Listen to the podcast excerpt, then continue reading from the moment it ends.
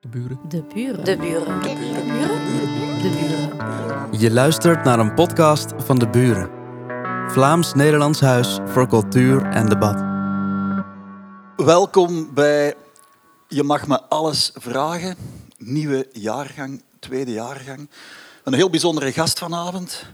Eh, iemand die ik al lang volg als, eh, als journalist, Jeroen van Bergijk. Hollands finest. Klein applaus, alsjeblieft.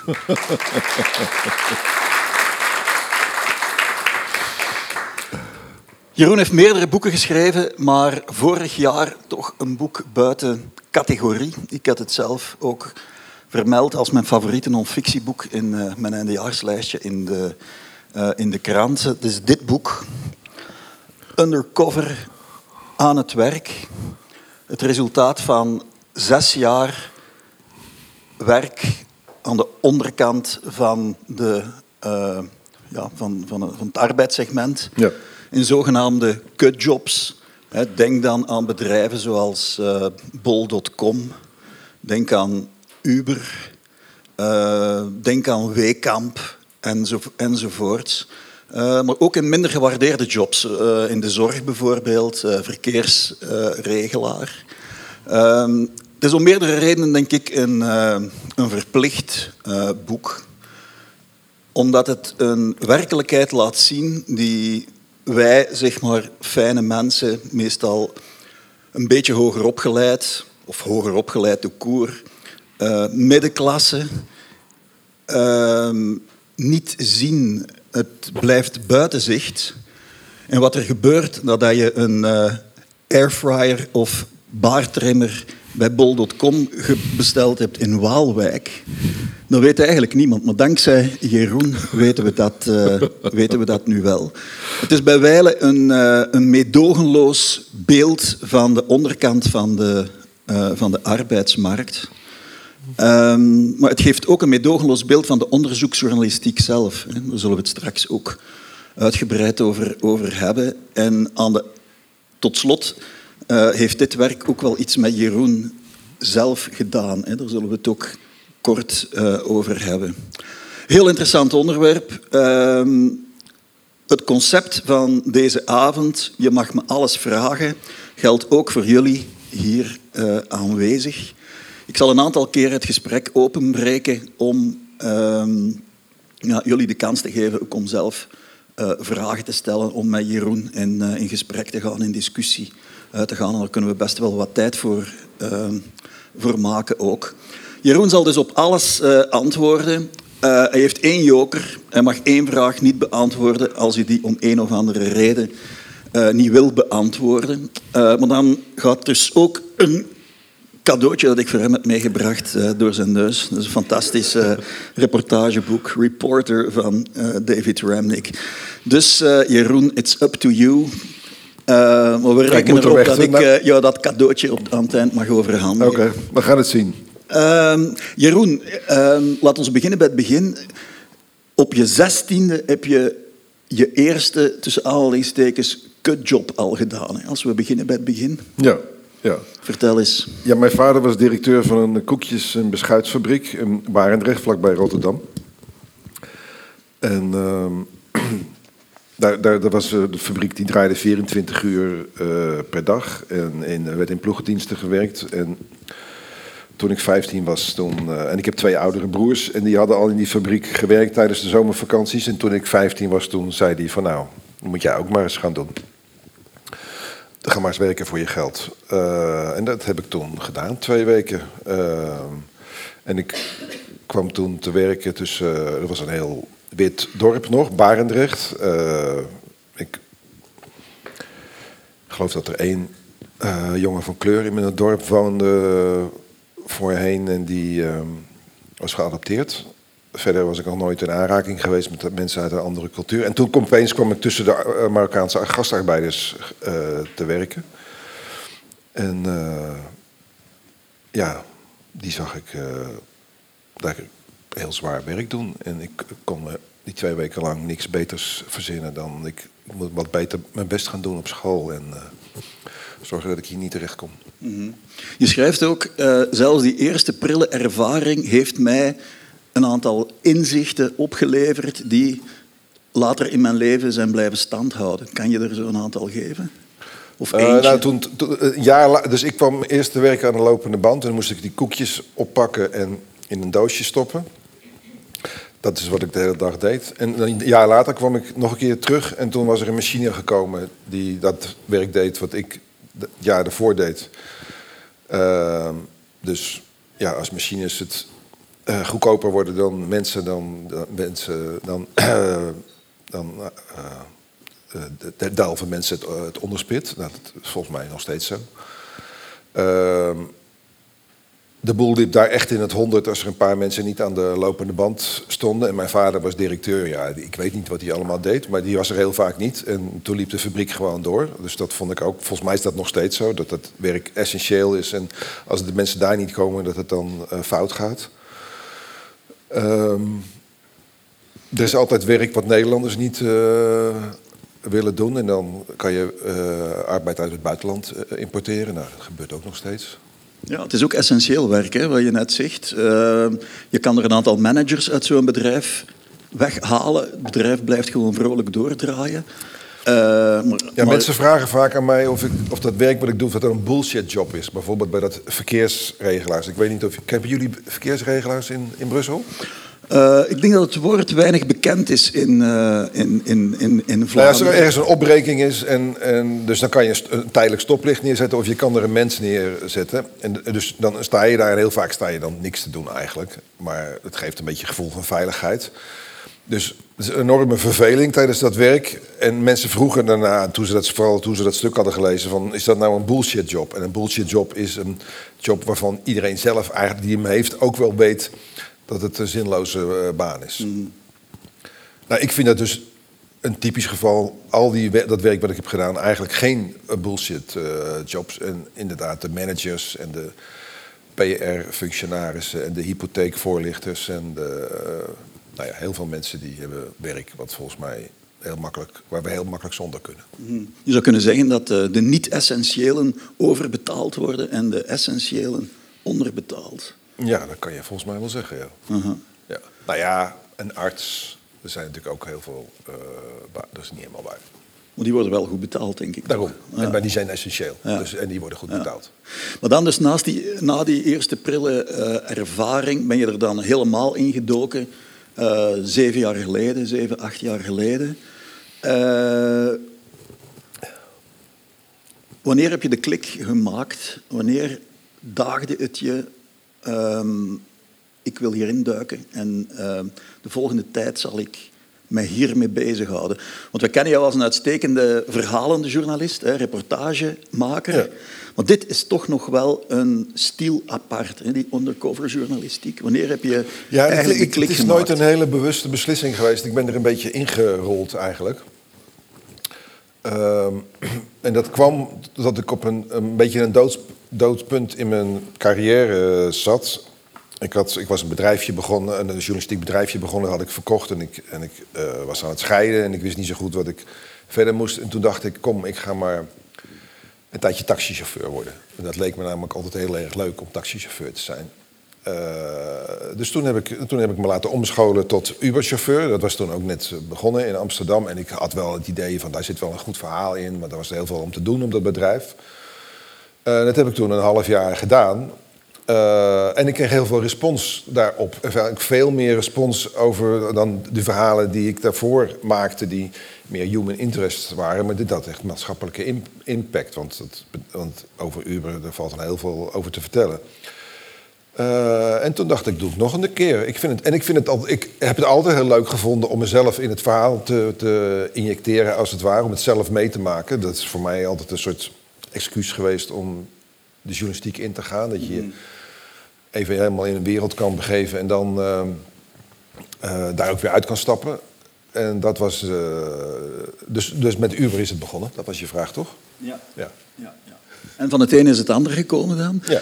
Het bedrijf dat hier wellicht het meest tot de verbeelding spreekt, omdat bijna iedereen ermee te maken heeft, is bol.com. Hm. Ehm, drie megahallen in Waalwijk in Nederland.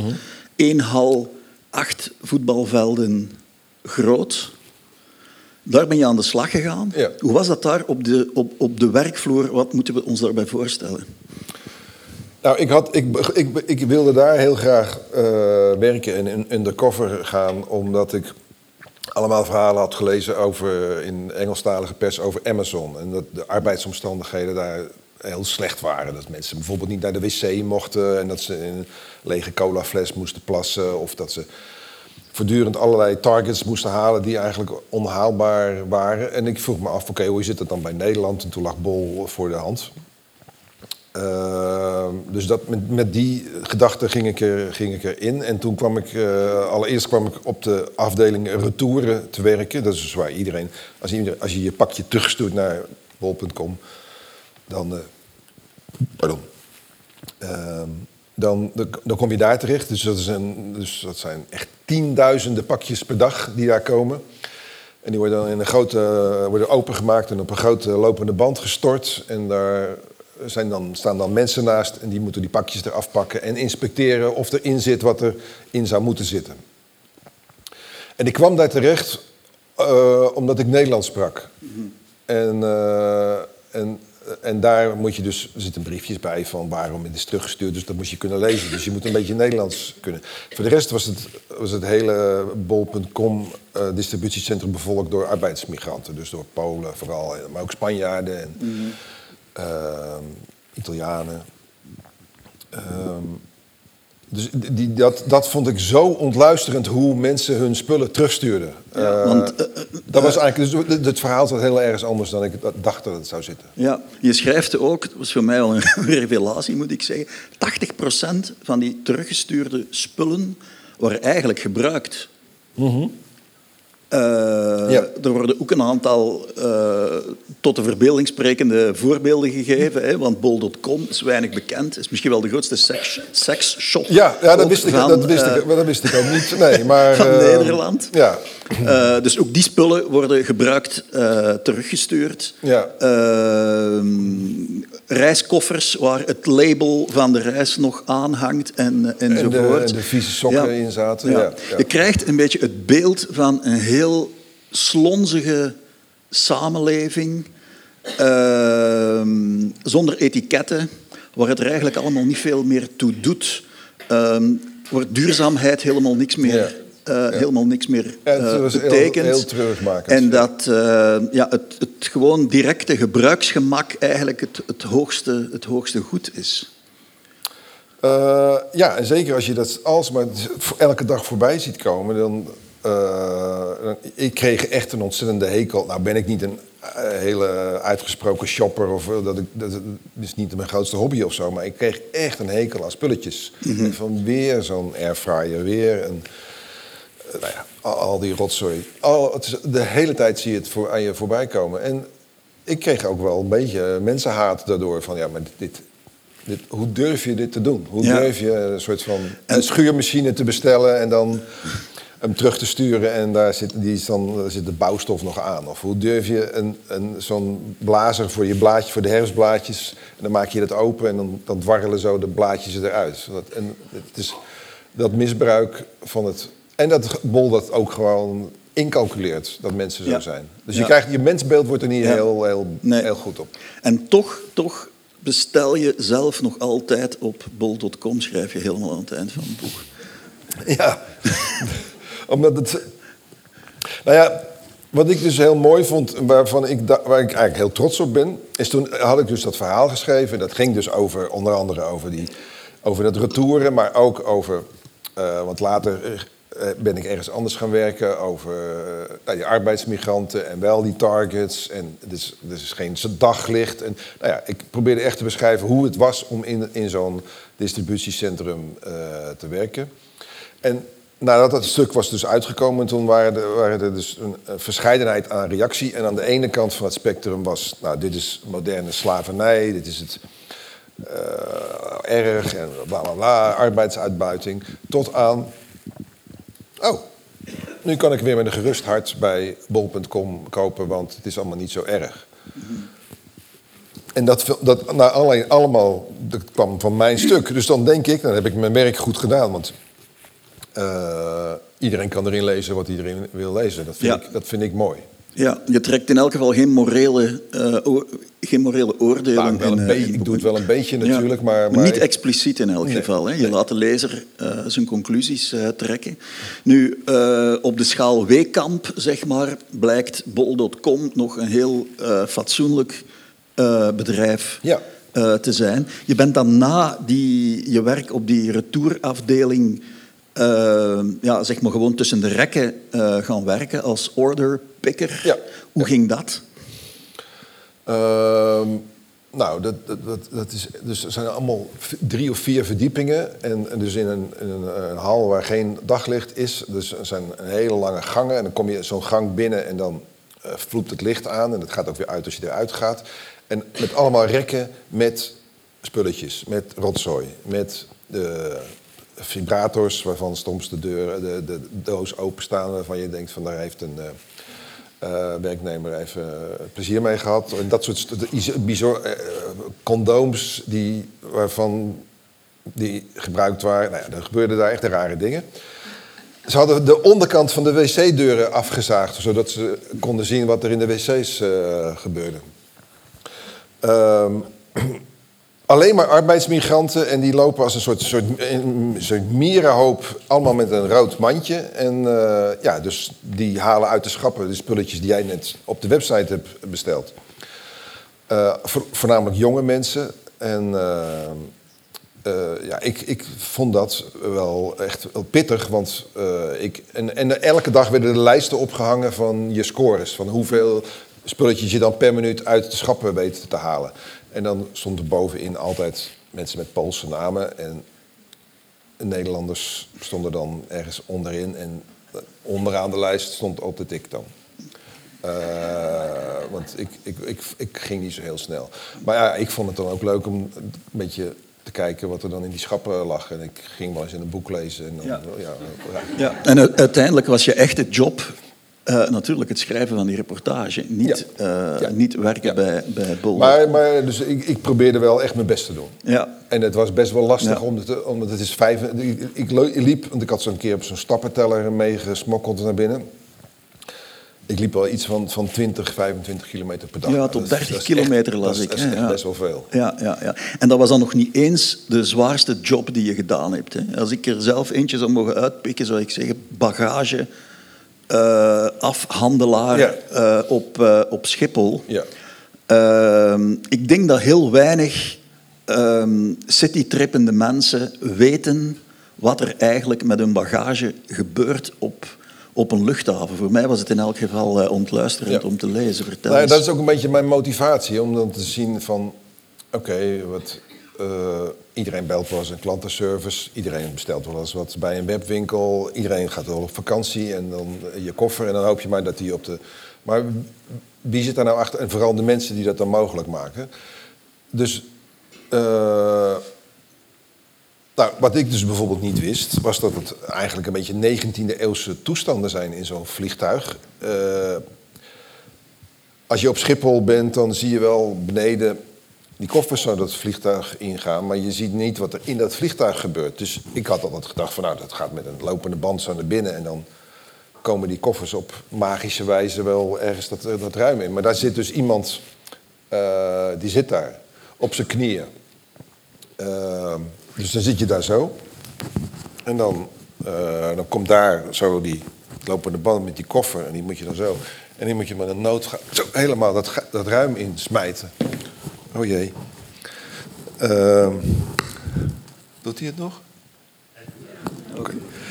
Ehm, nou ja, dat is mijn knieën lagen stuk na, na een week. En ik kreeg pijn in mijn rug natuurlijk. Ja, Dus na dat twee is dagen zat je al aan de mediane pijnstillers. Ja, Hè? Ja. Ja.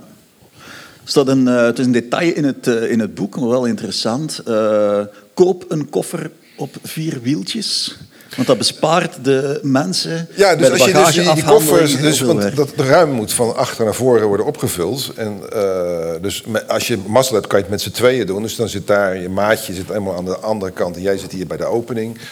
En dan schuif je er zo die koffer, die moet je dan of naar hem toe gooien of eh, op wieltjes zetten en dan zo rijden. Dat was wel een stuk makkelijker. Ja. Dus dat was een goede tip. Ja. Ja. Ik stel voor dat we eens luisteren naar de vraag van Ish, die de vorige ehm, gast hier in, eh, in dit programma. Je mag me alles vragen en dat is ook een deel van het concept. De vorige gast stelt een vraag aan de huidige gast. Dus Ish, eh, auteur, ehm, eh, cultuurmens, die zal jou nu een vraag over je boek stellen. Dat gaan we hier zien. Ja. Ik denk wat ik graag zou willen weten is van al die bedrijven eh, die hij heeft eh, bezocht of uh, bijgewerkt undercover. Wat is, de, wat is de gemeenschappelijke noemer van elk? Dus wat heeft hij in elk bedrijf gezien waarvan hij denkt van als dat, als mensen wisten, dan zouden ze misschien niet meer kopen daar. Maar dat, dat hij echt overal, dat dat deel uitmaakt van een systeem eerder dan gewoon een één bedrijfscultuur. Maar dat het deel uitmaakt van een systeem van zo die grote multinationals of grote bedrijven. Hij zegt van oké, dat heb ik overal gezien en als je dat zou weten, dan zou je misschien bij de lokale handelaar gaan. Dat wil ik wel eens weten. We gaan het hem vragen, begin volgend jaar. Dank je wel. Ik zal wachten op een antwoord. uh, ja, dat is best een moeilijke vraag natuurlijk. Wat dan, wat, dat voor één ding is wat ik we hadden, je begon het gesprek natuurlijk een beetje met dingen die, ik, die me waren opgevallen 40 jaar geleden en nu. Uh, als ik één ding zou moeten noemen, dan uh, is het wel de manier waarop er met uh, mensen wordt omgegaan. Mm. en, en ja, en mensen die niet heel veel mogelijkheden, want dat is het, hè? mensen komen in zo'n als ik solliciteer op zo'n baan, dan vraagt nooit iemand naar mijn uh, opleiding, naar mijn uh, werkgeschiedenis. Uh, eigenlijk gaat het erom, kan je, heb je twee handen, soms spreek je Nederlands, dan ben je aangenomen. Hmm. dus die mensen die dat werk doen, die hebben heel weinig mogelijkheden om zich op te werken, bijvoorbeeld. Of het zijn eigenlijk, eigenlijk werktuigen. Het zijn, ze worden eigenlijk gebruikt als werktuig. Ja, en dat is wel een soort gemeenschappelijk uh, ding. Mm En sommige bedrijven doen het iets beter dan, dan andere, maar dat is wel, ja, het is. Mm. Ik zal meteen uh, mensen uit de zaal vragen laten stellen, maar ik zie zelf ook nog één rode draad.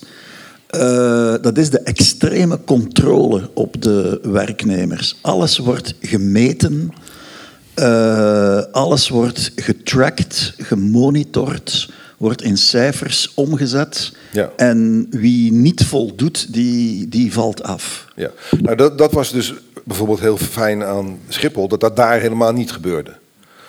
Als het vliegtuig maar leeg kwam en geladen werd, dan was het goed. Maar je had daar, ja, je had een prikklok, maar er werd niks. Je had geen KPI's of brand missions of weet ik veel, al die bullshit waar je mee geconfronteerd wordt tegenwoordig. Uh, maar bijvoorbeeld bij Weekamp, ja, jullie kennen het hier in België niet zo goed, maar, uh, of misschien helemaal niet, maar het is ook een wipwinkel. Maar het ging mij om de klantenservice daar. Wat, wat er gebeurt er als je iemand belt en wie zit er dan aan de andere kant van de lijn? Daar werd alles vastgelegd. Uh, dus alle gesprekken die je voerde werden opgenomen, maar ook elke muisklik die je deed uh, werd, uh, werd, opgenomen. Dus ze konden precies, dan gingen ze uh, soms evalueren en dan lieten ze precies zien wat ik, konden ze precies zien wat ik allemaal had gedaan. Daar werd bijgehouden hoe lang je op de wc zat, uh, nou ja, je kan het zo gek niet bedenken. Of, uh, en daar voelde je echt een, een soort van robot. Ja, ja je, je beschrijft ook, allemaal scripts ja. volgen en zo. En, ja. Je beschrijft ook op een bepaald moment dat je uh, tijdens een, een van de schaarse pauzes, dat je daar bij andere werknemers staat die net gehuild hebben. dat zijn er twee. Ja. En dan schrijf je ook, ik heb ook zelf een aantal keer de aandrang gevoeld om te, om te huilen toen ik daar werkte bij, uh, bij Weekamp. Het is blijkbaar een soort totaal verziekte, rotte uh, werk, uh, ik, werksituatie. Nou ja, die meisjes die moesten huilen omdat mensen... Kijk, mensen die klantenservice bellen, die zijn meestal boos. Of er is meestal een probleem. En die begonnen dan tegen vrouwen van 18, 19 uh, te schreeuwen. Nou, als je dat de eerste keer meemaakt, dan is heel heftig. Maar ik had daar niet zoveel last van. Maar waar ik veel heel veel last van had, was... Weekamp biedt de mogelijkheid om gespreid te betalen, noemen ze dat. Dus dat is kopen op afbetaling. Dus je gaat eigenlijk een lening aan om spulletjes te kopen. En uh, dus aan de ene kant kreeg ik heel veel mensen aan de telefoon die dat niet meer konden opbrengen. Die dus hun maandelijkse lasten niet meer konden betalen. Of afbetalingen aan Weekamp niet meer konden voldoen. Omdat ze ooit een lening daar waren aangegaan tegen 14% rente. Nou, dat was op het moment dat je 0% rente op je, op je spaarrekening uh, kreeg. En aan de andere kant moest je dat mensen dus ook actief aanbieden. Dus als je zegt van nou, deze mooie kleurentelevisie die uh, ook kunt u het niet betalen. Nou ja, we hebben ook de mogelijkheid om dat in termijnen te betalen. En, en dat, daar kreeg ik echt daar kreeg ik last van. Mijn, dat ik daaraan meedeed, dat vond ik echt heel lastig. Gewetensvroeging. Ja, ja, mm. ja. En dat had ik bij die andere bedrijven had ik daar niet zoveel last van. Maar dit vond ik echt, omdat, het, omdat het zo direct was dat je dat mensen moest aansmeren. Dat vond ik heel lastig. Ja, sukkelaars heel dikwijls ook. Hè. Het is een soort uh, leegpersen van, van zwakken. Ja, en het is, een, het, is een, het is een onderdeel van het verdienmodel van, mm. van die Weekamp. Het gaat ze aan de ene kant op spulletjes te verkopen, maar dit is gewoon een heel wezenlijk onderdeel van, van de bedrijfsresultaat. Dus het geld verdienen aan, aan mensen in de schulden helpen eigenlijk. En ja. ik vind dat wel, daar, daar, vind ik dus wel, daar vind ik wel echt iets van. Mm Verwerpelijk. Dus ons horen in, uh, in de zaal zijn er mensen die een opmerking of een vraag hebben. Ja, mevrouw. Dank u wel. Ja, uh, heel interessant. Ik heb je boek niet gelezen of nog niet gelezen. Uh, maar je vermeldde net dat je benieuwd was of je bij Bolcom soortgelijke toestanden zou aantreffen als bij Amazon. Zoals je krijgt geen eens tijd om naar het toilet te gaan, je moet een plastic fles gebruiken of zo. Uh, dus ik ben heel benieuwd. Heb je dat soort toestanden aangevonden vergelijkbaar met Amazon of was het dan toch een stuk beter? Nee, ze zorgen er heel erg goed voor dat ze zich precies aan de regeltjes houden. Dus je kan gewoon naar de wc en, en er is een, het, het, uh, het zit meer in de details. In dat je, ik werkte daar in de winter, dat je s ochtends in het donker aankomt. Dat je in een hal staat waar je de hele dag geen daglicht hebt. En als je je werk erop zit, dat het ook alweer donker is. Dus er gingen gewoon dagen voorbij dat ik geen, geen daglicht zag. Ehm, dat ze het zo moeilijk maken dat je er eigenlijk als Nederlander. Ze zeggen steeds, de, de, de, de, de bazen daar zeggen van ja, maar we kunnen geen Nederlanders vinden, dus daarom hebben we al die arbeidsmigranten nodig. Maar ze maken het ook godschuwelijk onmogelijk om daar te werken. Je kan er bijvoorbeeld niet met de bus komen. Het staat in het midden in een weiland, maar je kan er niet met de bus, met de bus komen je, je, je, je, werkschema verandert de hele tijd. Dus als jij naar de voetbalclub wil of naar de, weet ik veel, je muziekles, dan kan dat niet, want elke keer is je, is je, je werkschema weer anders. Dus ja, wie wil daar dan op, onder dat soort. En het is een minimumloon, dus waarom zou je daar in godsnaam gaan werken? En dan worden er allemaal uh, arbeidsmigranten geïmporteerd. Nou, dat is een gigantisch probleem in Nederland, er is nergens woonruimte voor. Die komen er dan onder. Uh, hele beroerde omstandigheden te wonen. Dus het is meer in dat soort misstanden vind, dan, dan echt hoe mensen formeel daar op de werkvloer worden behandeld. Heeft ooit de management van die bedrijven, naar aanleiding van uh, uw artikelen, wel eens contact opgenomen? Of bedacht, we willen dingen toch veranderen, want dat wisten we helemaal niet? Uh, nou, ik vraag altijd sowieso, eh, heb ik gewerkt en dan vraag ik daarna wederhoor. Van dan schrijf ik mijn artikel, maar dan ga ik ook altijd, voordat het wordt gepubliceerd, ga ik altijd wel in gesprek als ze dat willen. Uh, nou, en een van de redenen waarom ik vrij positief over Bol ben, is dat die het gesprek wel altijd aan wilde en ook wel de echte uitwassen wilde bestrijden. Die vonden dat ook niet fijn dat dat zo was. Maar dat gaat dan altijd om details en niet om het, om het, om het grote systeem, zeg maar. Dat wordt dan niet natuurlijk, dat kan ook niet. Ze zouden natuurlijk ook niet kunnen bestaan zonder arbeidsmigranten. Dus dat, dat, dus dat soort dingen niet. Maar ik probeer altijd in gesprek te gaan. En, en bij Schiphol waren ze ook. Uh, was ik heel blij mee. En er waren hele sportief. Die zeiden van ja, vinden het niet leuk dat je hier in de koffer bent geweest. Maar ja, klopt wel wat je zegt. Dus dat vond ik wel sportief. Op school heeft men het uh, vandaag de dag vol uh, van welbelang van welbevinden bij, bij leerlingen, bij studenten. Ik heb een A- en een B-vraag. A. Welk realistisch advies zou je kunnen geven aan uh, CEO's, bedrijfsleiders, managers om het welbevinden van de werknemers te vergroten? En B. Welk advies zou u eventueel aan de regering kunnen geven, Vlaamse, Nederlandse regering kunnen geven, om de arbeidsvoorwaarden van dergelijke laaggeschoolden te, te verbeteren naar welbevinden toe? Ja, dat zijn goede vragen. En ik, ik, ik ga meteen zeggen, ik ben een verslaggever en geen, geen uh, politicus of uh, actievoerder. Over die uh, B-vraag heb ik wel een hele duidelijke mening en dat is het minimumloon verhogen. Als je het minimumloon verplicht verhoogt, dan maak je dus voor heel veel bedrijven onaantrekkelijk om nog in Nederland, in dit speelt zich allemaal in Nederland, uh, dan zorg je ervoor. Want jullie hebben volgens mij veel minder van die distributiecentra dan, uh, dan wij. Ik denk dat dat mede door de vakbond komt. Of slachterijen en allemaal werk die weinig toegevoegde waarde heeft. Dat zorg je dan dat het zich ergens anders gaat vestigen. Dus dat zou ik dan de regering willen meegeven. En, en daarmee verbeter je ook tegelijkertijd de, de leefomstandigheden van van die mensen en eh, de CEO's vind ik echt een moeilijke vraag, sorry. ik vind het heel lastig. Ik, ik, vind het, ik, ik kan me gewoon niet voorstellen dat je als mens uh, aan alle knopjes zit te draaien om je werknemers zo weinig mogelijk te, op alle punten te, uit te buiten. Of zo weinig mogelijk te betalen, laten we het zo zeggen. Uh, en dat is natuurlijk wat er gebeurt, want dat is de bottom line. En, altijd, en al die bedrijven, zeker start-ups, die beginnen altijd heel veel positief. En dan, uh, uh, van, dan kan het niet op en dan is alles goed. Dus dat zag je bij Uber, maar dat zag ik ook bij flitscouriers. Het allemaal, uh, nou, het zag er allemaal goed uit. En als het dan even minder gaat, dan is het eerste de knop waar ze aan gaan draaien zijn de arbeidskosten. En dan gaan ze mensen afknijpen. Ja, ja. Ik, ik, ik, ik, kan dat, ik kan daar niet zo heel veel maar ik ben geen CEO, dus dat... Mhm. ja. ja, we moeten misschien eventjes uh, concretiseren over hoe, hoe, hoeveel een uurloon uh, daar bedraagt. Is om en bij de 10 euro, hè, ongeveer, in al die jobs die je gedaan nu hebt. Wel, ja, nu is het wel allemaal wat meer, maar... 10, 11 ja. euro. Ja. Ja. Nog vragen? Ja, gewoon dadelijk rechtstreeks. Heb je ooit gesproken met die, hoe noem jij dat? Arbeidsmigranten mm -hmm. over hun welbevinden? Ja. Oké. Okay.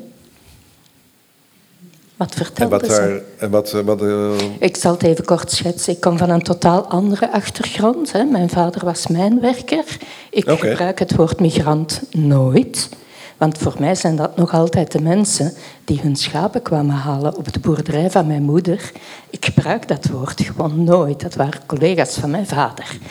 Ik heb dan hier gewerkt voor de Vlaamse overheid. Ik ben op pensioen gegaan en ik heb niet undercover, maar ik ben wel uit pure nieuwsgierigheid bij McDonald's gaan werken. Aan een minimumloon van 10,40 euro. Hmm. En tot mijn grote verbazing heb ik nooit meer, maar werkelijk nooit meer kritiek gehad. Op, ik ben zelf vegetariër. Hè? Ook heel belangrijk om te weten. Ik zal hè, dat zelf nooit eten. Maar ik heb nooit meer kritiek gehad wat ik daar gezien heb van opleiding. Voor mensen van een andere afkomst. Voor mensen die uit het schoolonderwijs weggegooid zijn. Echt waar, ik had de grootste bewondering voor McDonald's als werkgever. Hè? Ik ben er nog altijd geen klant. Ik werk er ook niet meer ondertussen. Maar oké. Dus mijn vraag is, hoe ervaren mensen dat die werkelijk 10 euro nodig hebben per uur? Ja, ik, ik begrijp uw vraag. Uh, denk ik.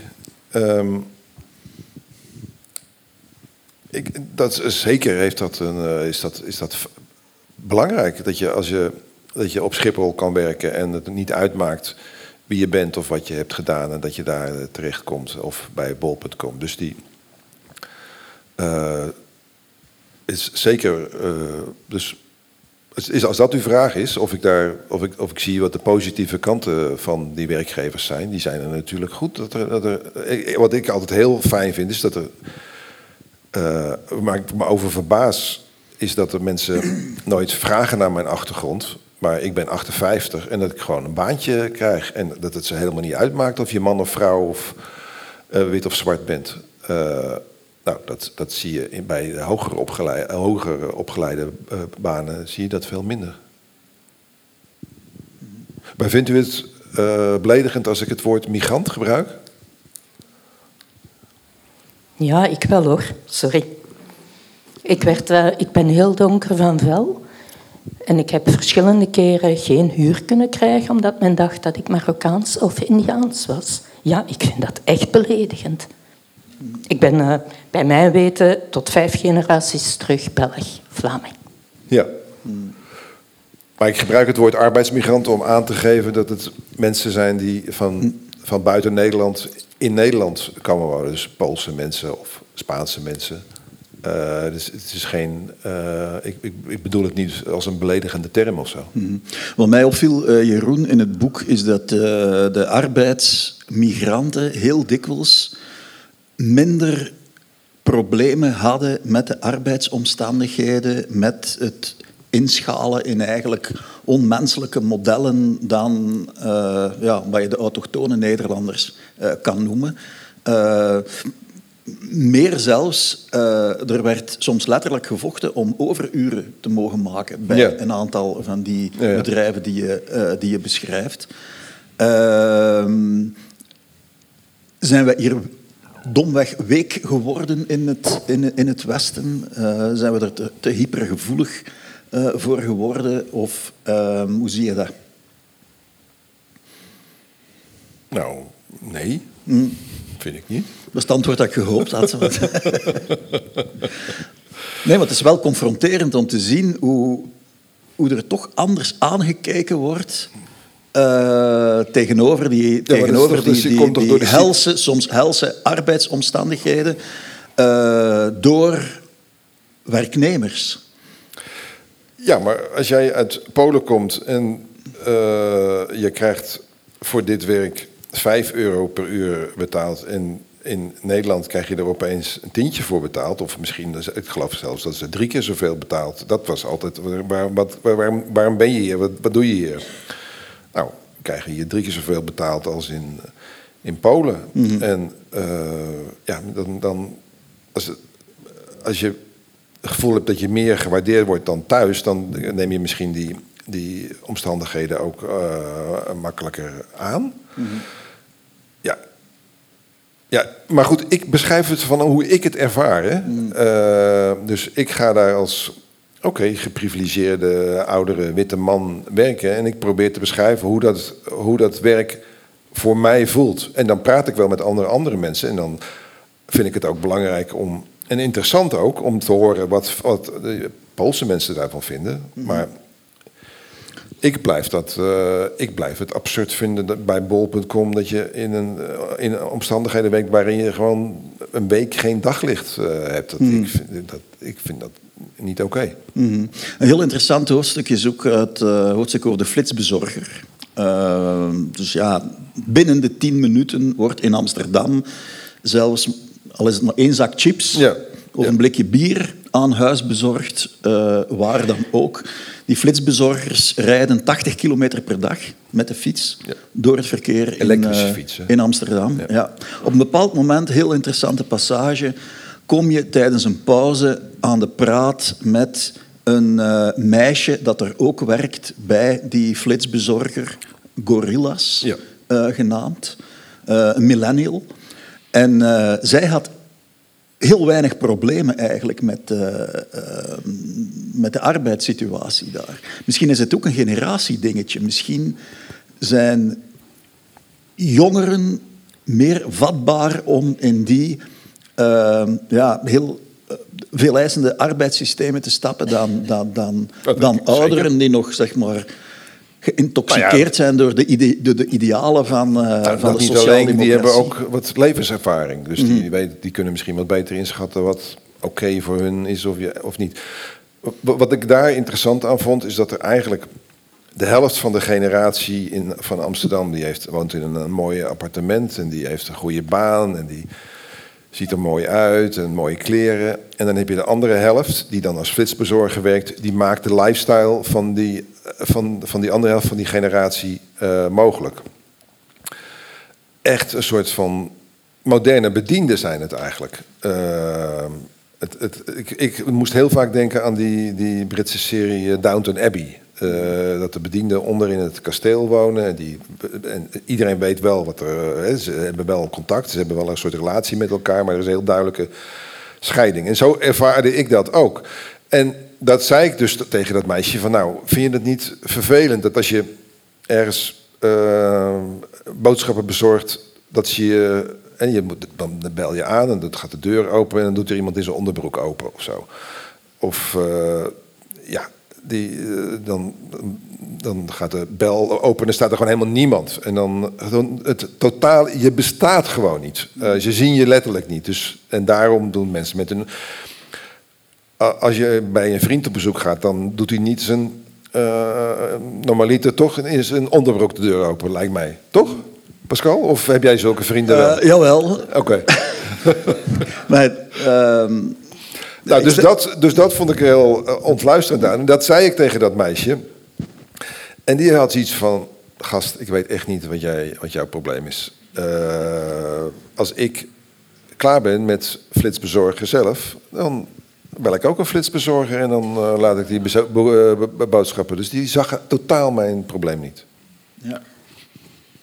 Je krijgt ook wel een, een heel ontluisterend beeld, vind ik, van uh, wat je net, net eigenlijk al beschreef. Het verdwijnen van basic manieren, ja. zeg maar. Ehm, en ja, als je het ruimer ziet in, in, in ja, het, het, hele tableau dat je, dat je borstelt... Um, wijst het toch ook op een soort uiteenvallen van wat je een samenleving kan, kan noemen. En dat hoofdstuk van die flitsbezorger is wat dat betreft ook weer heel interessant. Vroeger gingen mensen gewoon naar de winkel, kruidenier uh, op de hoek, uh, waar ze misschien wel nog eens iemand uit de buurt tegenkwamen ook. Dat is allemaal weggevallen. Nu wordt er gewoon gebeld. Nou ja, dus dat, dat is wat ik, wat ik heel storend vind aan die start-ups, zoals Uber bijvoorbeeld. Maar dus uh, Flitscouriers was echt een goed voorbeeld. Ze nemen de, de frictie weg. Dat is dan altijd hun dingetje. Van, uh, ja. Dus de frictie van. Wat is die frictie dan? Nou, dat je op je fiets stapt of in de auto stapt en naar de supermarkt rijdt en dat je dan uh, daar. En, en, maar. en dan, dat is heel efficiënt, want daar win je tijd mee. En wat, maar wat doe je dan vervolgens met die tijd? Ga je nog meer werken, toch? Dus, wat, dus het is volgens mij een eindeloze loop waar je nooit uh, beter van wordt als mens.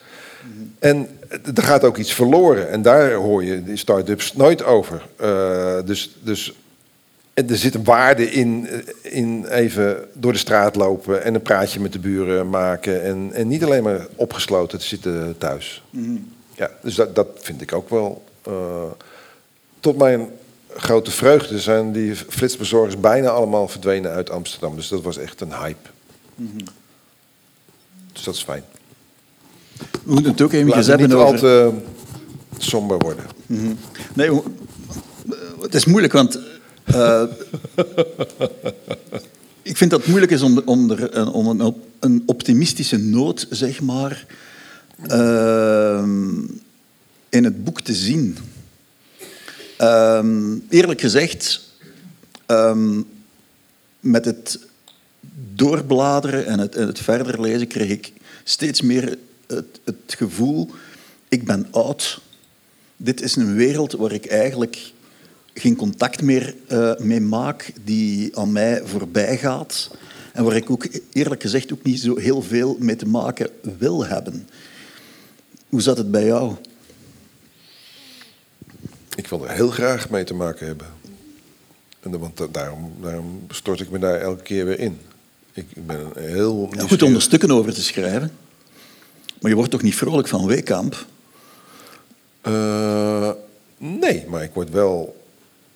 Ik, ja, vrolijk is niet het goede woord misschien, maar ik, ik vind het wel heel fijn om dan met jonge mensen te werken en dan, dan te ontdekken waar die mee bezig zijn en of mm -hmm. die dezelfde problemen als ik hebben. Mm -hmm. Maar ooit was het ideaal, hè, het was ook een oud uh, sociaal-democratisch ideaal als uh, arbeid als vervulling en verheffing. Dat is wel heel ver weg bij al die jobs die je, die je beschrijft. Ja. Er is toch een soort leegte in de samenleving gekomen, kan je zeggen. Uh, doordat, dat doordat die idealen verdwenen zijn. Ja, er zijn ook. Ik, ik, het is geen representatieve. Uh, ik richt me op de, op de dingen die fout gaan, waarvan ik zie dat, dat, of waarvan ik me afvraag hoe dat, hoe dat zit. Ik, het is mijn, mijn missie, als je dat wil zeggen, een soort van schijnwerper te zetten op de uh, mensen waar we het nooit over hebben. Of waar we niet zo heel veel waardering voor hebben. En probeer ze juist wel een beetje waardering daarvoor te krijgen. En te laten zien hoe zwaar en veel eisend dat werk is. Maar ik, uh, ik, ik, ga niet, ik ben niet de hele dag bezig met van... Uh, waar moet het naartoe met de wereld? Mm -hmm. Nog even iets over jouw rol als uh, undercover journalist. En dan keer ik terug naar de, naar de zaal. Op een bepaald moment kwam je echt in gewetensnood ook daarmee, hè, met, je dubbele, ja. met je dubbele rol. Je begon er zelfs een beetje aan onderdoor te gaan als ik, ja. als ik het allemaal goed gelezen heb. hoe is dat gekomen? Nou ja, als je undercover bent, dan. Dus ik heb altijd een doel waarom ik dat doe, namelijk omdat ik vermoed dat er iets niet helemaal in orde was. Maar ook gewoon nieuwsgierigheid. Om gewoon om eigenlijk te laten zien hoe is het nou om op Schiphol te werken. Of dat is eigenlijk het basic. Van, ik wil gewoon een eerlijk beeld schetsen van, van werk waar wij jullie misschien niet zo heel veel uh, van weten. Ik doe dat. Ik, ik ben altijd voor de underdog. Dus ik ben niet voor de baas, ik ben altijd voor de underdog. En, maar om dat te doen, moet ik met, moet ik, werk ik met mensen. En ik vertel niet dat ik journalist ben, want als ik dat mhm. vertel, dan is het klaar. Uh, dus ik lieg. Ik zit de hele tijd te liegen. Uh, en als dan uiteindelijk uitkomt dat ik niet zeg. En dan word ik vrienden vaak, of vrienden, of nou, in ieder geval, ik probeer een relatie op te bouwen met uh, mensen.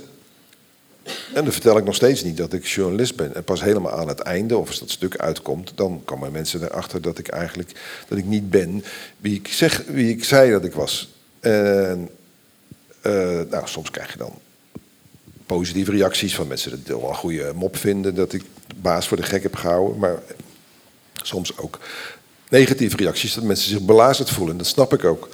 En dat is dus heel moeilijk, want ik, ja, uh, ik hou sowieso niet zo van liegen. En ik merkte dus ook dat ik er veel beter, dat ik er gaandeweg beter in werd in het liegen.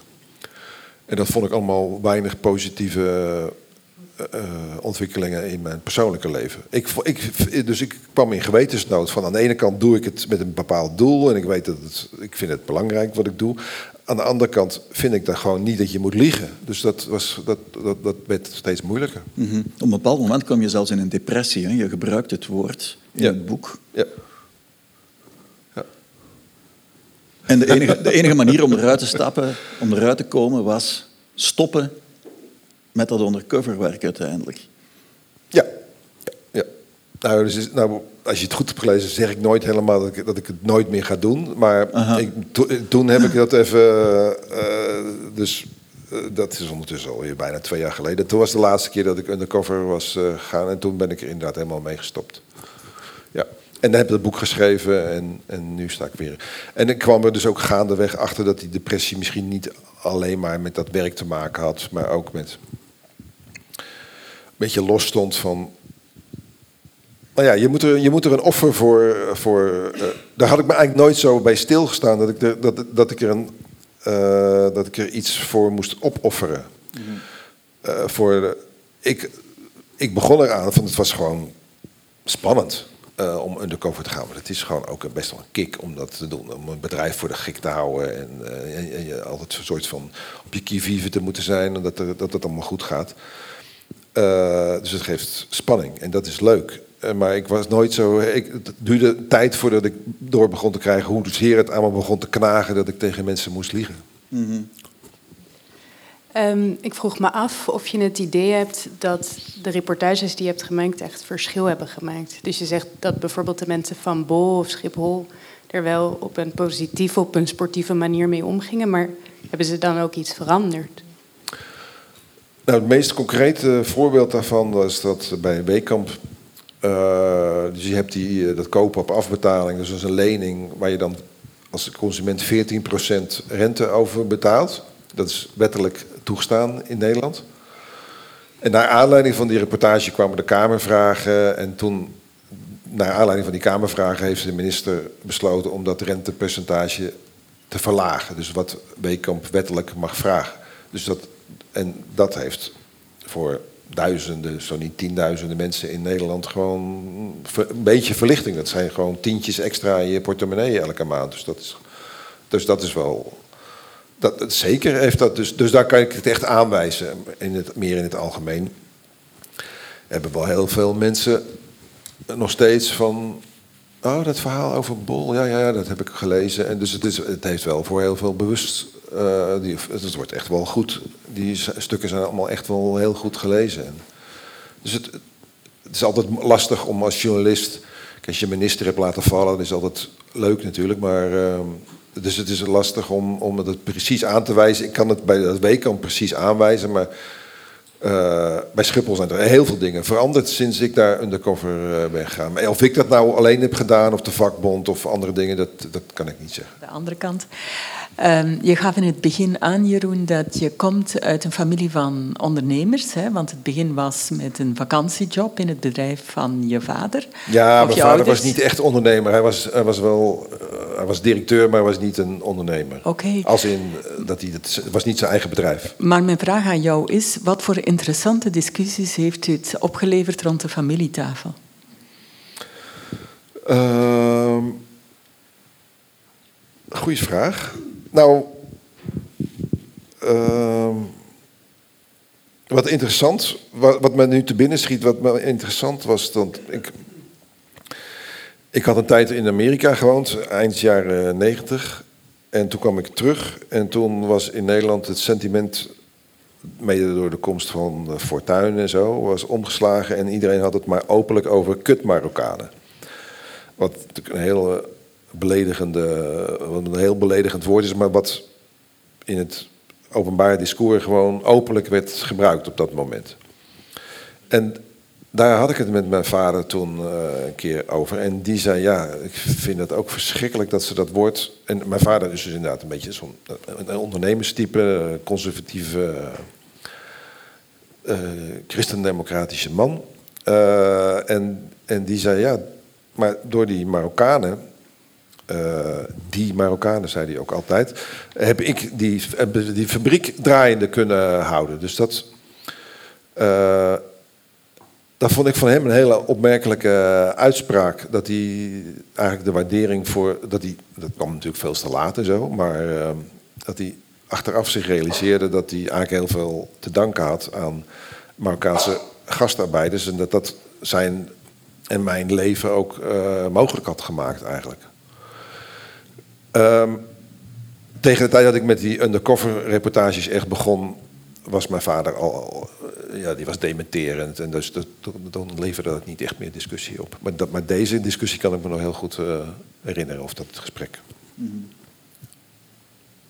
Ik moet er nog mijn delicate vraag stellen, uh, ja. Jeroen. Je mag je joker inzetten, ja, dat is uh, het spel.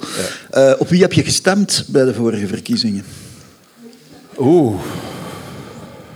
Ja, shit, Pascal, dan moet ik hem toch echt inzetten. Want ik vind niet dat je als, als journalist hoort te zeggen waar je op stemt. De vraag die ik, de vraag die ik eraan gekoppeld had was, uh, heeft jouw werk in die, in die kutjobs uh, jouw stemgedrag bepaald? Misschien kan je daar in het algemeen dan iets over zeggen. Ja, daar wil ik in het algemeen wel iets over zeggen. Dat ik wel meer begrip heb.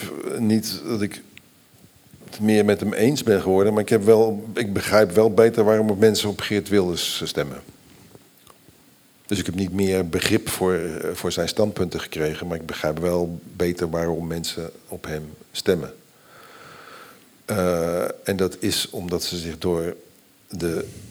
Ik heb het over Nederland, hè, dus ik weet niet precies hoe het, hier, eh, het in Vlaanderen zit. Door traditionele linkse partijen waarvan je zou zeggen dat ze daarop zouden moeten stemmen. Dat het meer logisch is dat ze daarop stemmen in de steek gelaten voelen. En maar niet alleen in de steek gelaten voelen, zich gewoon niet herkennen. Want als je naar de Partij van de Arbeid kijkt, dan zie je wel dat er gewerkt wordt aan, of aan GroenLinks, aan diversiteit. Maar niet aan uh, laag laaggeschoolden bijvoorbeeld, die zie je in de politiek helemaal niet. En bij de PVV zie je voornamelijk laaggeschoolden. Mensen voelen zich gewoon veel meer hoe mensen praten, hoe, wat, wat ze leuk vinden, wat ze beweegt. Die, die voelen zich daar veel meer bij thuis. Mhm. Maar is dat ook zo? Want ik vraag me af, ja, hoeveel mensen hebben op Wilders gestemd? 2 miljoen? 25 procent. Uh, dat kunnen toch niet allemaal laaggeschoolden zijn. Dan moet er toch echt wel heel veel middenklasse ook bij zijn, hoger opgeleide. Zeker ook. Uh, ik vraag me dikwijls af, uh, ja, dat verhaal van de, uh, de deplorables, in, in hoeverre dat ook stand houdt als je het echt van dichtbij zou gaan bekijken. Um... Ja, als je kijkt naar wie er bijvoorbeeld, als, als, als naar de, naar de fractieleden van de PVV kijkt, ja, daar zitten mensen bij die op de kermis staan. Of die, die, die, dat, zijn, dat zijn kleine winkeliers of ondernemers, of, of uh, dat zijn geen intellectuelen. Mm zijn geen uh, mensen die aan de universiteit hebben gewerkt of CEO geweest zijn van. Uh, mm ja. Er is al een prachtige quote al op bladzijde 1, die denk ik hiermee te, te maken heeft. Als me één ding is duidelijk geworden, dan is het dat wij, hoog en laag opgeleiden, of beter theoretisch en praktisch geschoolden in gescheiden werelden leven. Wat ik heb gezien en ervaren is dat veel meer dan seksen, je huidskleur of woonplaats, de beruchte tweedeling in de maatschappij wordt bepaald door klasse en opleidingsniveau. Dat is eigenlijk dat is een heel uh, socialistisch, marxistisch uh, uitgangspunt eigenlijk, toch? Oké, het is dus SP dat je... SP is Of GroenLinks. Oké, kunnen het ergens al gaan zoeken nu. Uh, nee, het is, uh, het is natuurlijk wel een inzicht dat de laatste jaren wel eh, veel meer sociologen ook uh, ja, ik ver, niet, vertolkt hebben. Ja. Ewald, Ewald Engelen in Nederland is er bijvoorbeeld ja. een, een, een, voorbeeld van. Um, de hele, heel die gele hashesbeweging was er een bepaalde manier toch ook de, de uitdrukking van, van, die, uh, mm. uh, van die tweedeling. Um, zie je ergens een of andere manier om die kloof te overbruggen. Want die schijnt toch wel, of die blijkt heel, heel diep en fundamenteel te zijn. Ja, dat is, nou, met corona had ik even goede hoop. Want toen was er dus een lijstje met uh, essentiële beroepen. daar stonden dan politieagenten en mensen in de zorg, maar ook distributiecentrum, mensen op Schiphol. Eigenlijk al die banen die ik uh, heb gedaan, die stonden allemaal, uh, inclusief journalisten, waar ik ook heel blij mee was natuurlijk, uh, op dat lijstje. En had je in ieder geval het gevoel, ja, we gingen dan klappen voor de zorgmedewerkers en niet meer geld geven. Maar in ieder geval, er was een soort van bewustzijn over, we moeten het met z'n allen doen. Ja, dat lijkt ook wel weer een beetje weg trouwens, maar... Ik, ja, dat is dus. Uh, poeh. Stug door blijven gaan met elkaar. Ja, ik heb niet heel veel meer dan allerlei cliché-oplossingen. Uh, Sorry, ik ben, ik ben er ook niet van. van de, we moeten het nu. Dit is nu de oplossing. En of allerlei sociologische theorieën. Uh, die heb ik gewoon niet. Mm -hmm. Ik wil. Dat is ook mijn werk niet. Ik, wat ik lol in heb, is mensen te laten zien wat ik heb gezien en hoe het er volgens mij aan toe gaat. Maar de oplossingen, dat vind ik lastig om daar. Uh... Ja, maar je Misschien ziet is het heel makkelijk, hè, omdat, omdat die. Mm -hmm. Maar, uh, maar je ziet ook bij dat de... is toch wat wij zijn, toch? Journalisten, mm -hmm. die zijn toch niet zo van de. Ja, maar je kan ook wel, kan er ook wel over, nog wel iets verder over nadenken. Mm. Uh, wat mij opviel bij die, bij die reportages is toch een soort terugkeer van, ik zeg het nu heel dramatisch, de 19e eeuw op een ja. bepaalde manier. Ja. Uh, maar toen, uh, in die zwarte 19e eeuw, industriële revolutie, was de droom nog niet volledig verdampt dat er tegenkrachten zouden zijn die zeg maar, uh, het lot der mens zouden verbeteren. De vakbonden waren in opmars, de Socialistische Partij werd, werd gesticht enzovoort. Terwijl nu is er um, denk ik, een soort algemene machteloosheid ten opzichte van ja, de dingen die gebeuren, onder andere op de, op de arbeidsmarkt. Heb jij op, op eender welke plek waar je uh, gewerkt hebt, een soort tegenbeweging aangetroffen. Uh, een georganiseerd verzet tegen de arbeidsomstandigheden. Nou, wacht even. Hoe klein dan ook. Ja, nee, nee, ik hoor wat je zegt. Maar laten we zeggen, uh, vrouwen hebben het nu wel beter in het, over het algemeen dan, hè, dan in de 19e eeuw. Uh, min, allerlei soorten minderheden die hebben het nu beter dan in de 19e Dus het is niet zo dat het. dus je kan ook naar de, de positieve dingen mm. kijken.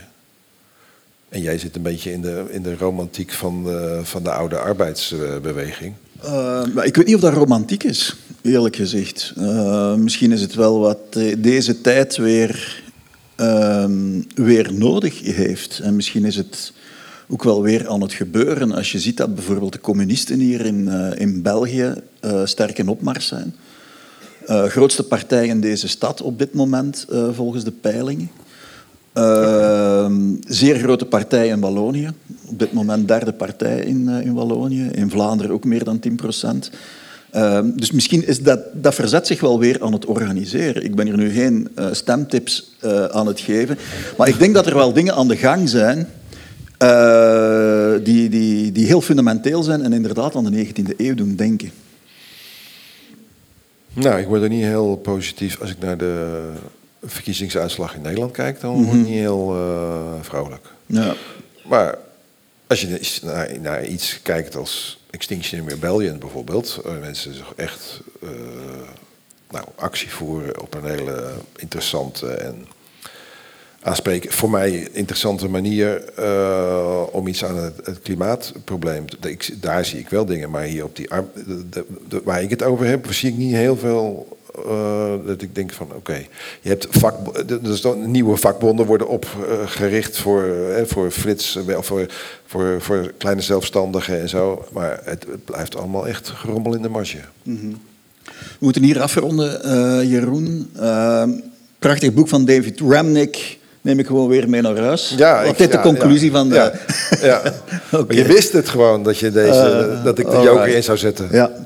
Uh, en uh, Jeroen nog een vraag stellen aan uh, de volgende gast hier, Elisabeth uh, Lucie Baten. Uh, ken jij haar? Nee, ik kende haar niet, maar de organisatie die vroeg me om mij eventjes te... Dus ik heb even naar haar Instagram gekeken en dat is heel grappig, want ze, ehm, ze krijgt steeds... Ze, ze is van de PR-afdeling en dan krijgt ze belletjes van ministers en zo, en van hooggeplaatste personen. Dus ik vroeg me af, krijg je wel eens, uh, of zou je wel eens een uh, telefoontje van een Nederlandse minister willen hebben? En zo ja, dan welke? Oké, okay, vraag is gesteld. Hartelijk dank, Jeroen. Uh, je bent hier nog niet meteen weg, denk ik. Dus misschien is er nog wel een babbel. Nee, precies. De mensen uit de zaal. Gezellig. hartelijk dank om, om te komen. De volgende aflevering is, wanneer, Xander? 14, 14 maart, uh, volgende, volgende maand. Fijne avond nog en tot ziens.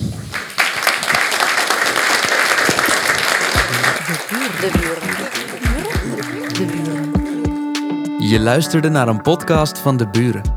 Vlaams-Nederlands Huis voor Cultuur en Debat. Benieuwd naar meer? Luister ook naar onze andere verhalen en registraties. En ontdek ons podiumprogramma op deburen.eu.